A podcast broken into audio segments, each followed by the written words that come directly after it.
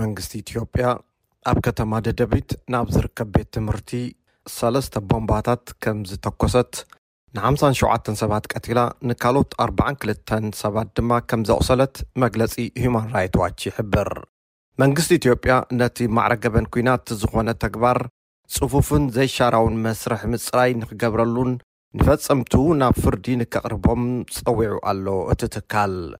ኣብ ሰሜናዊ ኢትዮጵያ ኣብ ውግእ ዝተጸምዱ ኩሎም ወገናት ሰፋሕቲ መግሃስታት ይፍጽሙ ስለዘለዉ፣ መንግስታት ነቶም ሓይልታት እገዳ መሸጣ ኣጽዋርን ወተሃደራዊ ደገፍን ክገብሩሎም እውን ኣዘኻኺሩ ኣሎ ሂዩማን ራይት ዋች። ንኮምሽን ሰብኣዊ መሰላት ዝጠቐሰ እቲ ሪፖርት፣ ካብ ሕዳር ክሳብ ታሕሳስ ኣብ ዝነበረ ግዜ ብሰንኪ ደብዳብ ነፈርቲ ኣብ ትግራይ ሰለስተ ሚእትን ኣርባዕተን ሰባት ሞይቶም፣ ሰለስተ ሚእትን ሰብዓን ሰለስተን ሰባት ድማ ቆሲሎም። ኣብ ልዕሊ ኤርትራውያን ስደተኛታትን ኣብ ክልል ዓፋር እውን ደብዳብ ተፈጺሙ እዩ።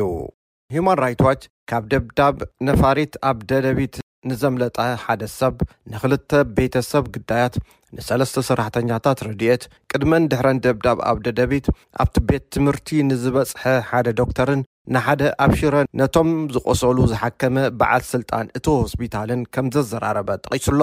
ኣብቲ ደብዳብ ዝተፈጸመሉ ዞባ ደደቢት ወተሃደራዊ ዕላማ ከም ዘየለ ዝጠቅስ ሂዩማን ራይት ዋች፣ ካብቲ ጥቕዓት ዝደሓነን ክልተ ሰራሕተኛታት ትካላት ረድኤትን ቅድሚ ደብዳብ ድሮን ኣብ ደደቢት ኣብ ዝነበራ መዓልታት ደብዳብ ተወንጫፊ'ውን ከም ዝሰምዑ ሓቢሮምለይ'ዮም ይብል።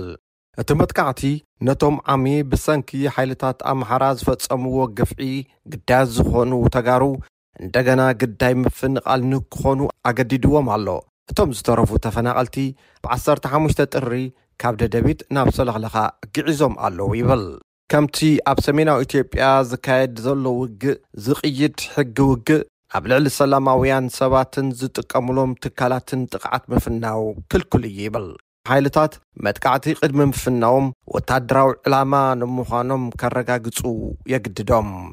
እቲ ዝጠርጠርዎ ስፍራ፣ ንኣብነት ቤት ትምህርቲ፣ ንወታደራዊ ስራሕቲ ይውዕል ከም ዘሎ ዋላ እውን እንተሓሲቦም፣ ንግምቶም ከወንዝፍዎ እዩ ዝግባእ ይብል። እቲ ሕጊ ወሲኹ፣ ነዚ ሕጊ'ዚ ዝጥሕስ ዝኾነ ሓይሊ፣ ገበን ንምፍጻም ምሕላኑ ፈሊጡ ድዩ ከይፈለጠ ብዘየግድስ፣ ብገበን ኲናት ከሕትቶ እዩ ይብል። ኣብ ልዕሊ ተፈናቐልቲ ዘዕቝብሉ ቤት ትምህርቲ ዝተፈጸመ ዘስካሕኽሕ ደብዳብ ነፋሪት፣ መንግስቲ ኢትዮጵያ ክሳዕ ክንደይ ብሕጊ ውግእ ክቕየድ ከምዘይከኣለን ኣብ ልዕሊ ሰላማውያን ሰባት ንዝወርድ ሞት ንኸውግድ ከምዘይከኣለን ሓባሪ እዩ ትብል ክኢላ ሂዩማን ራይት ዋች ለቲታ በድር። ንሳ ወሲኻ እቲ ዘይሕጋዊ መጥቃዕቲ ነቶም ተዋጋእቲ ሓይልታት ኣጽዋር ዝሸጡ ማዕረ'ቶም ፈጸምቱ ሓደ መዓልቲ ብገበን ኲናት ክሕተቱ ከምዝኽእሉ ኣማቲ እዩ ከምዝበለት ሪፖርት ሂዩማን ራይት ዋች ኣፍሊጡ'ሎ።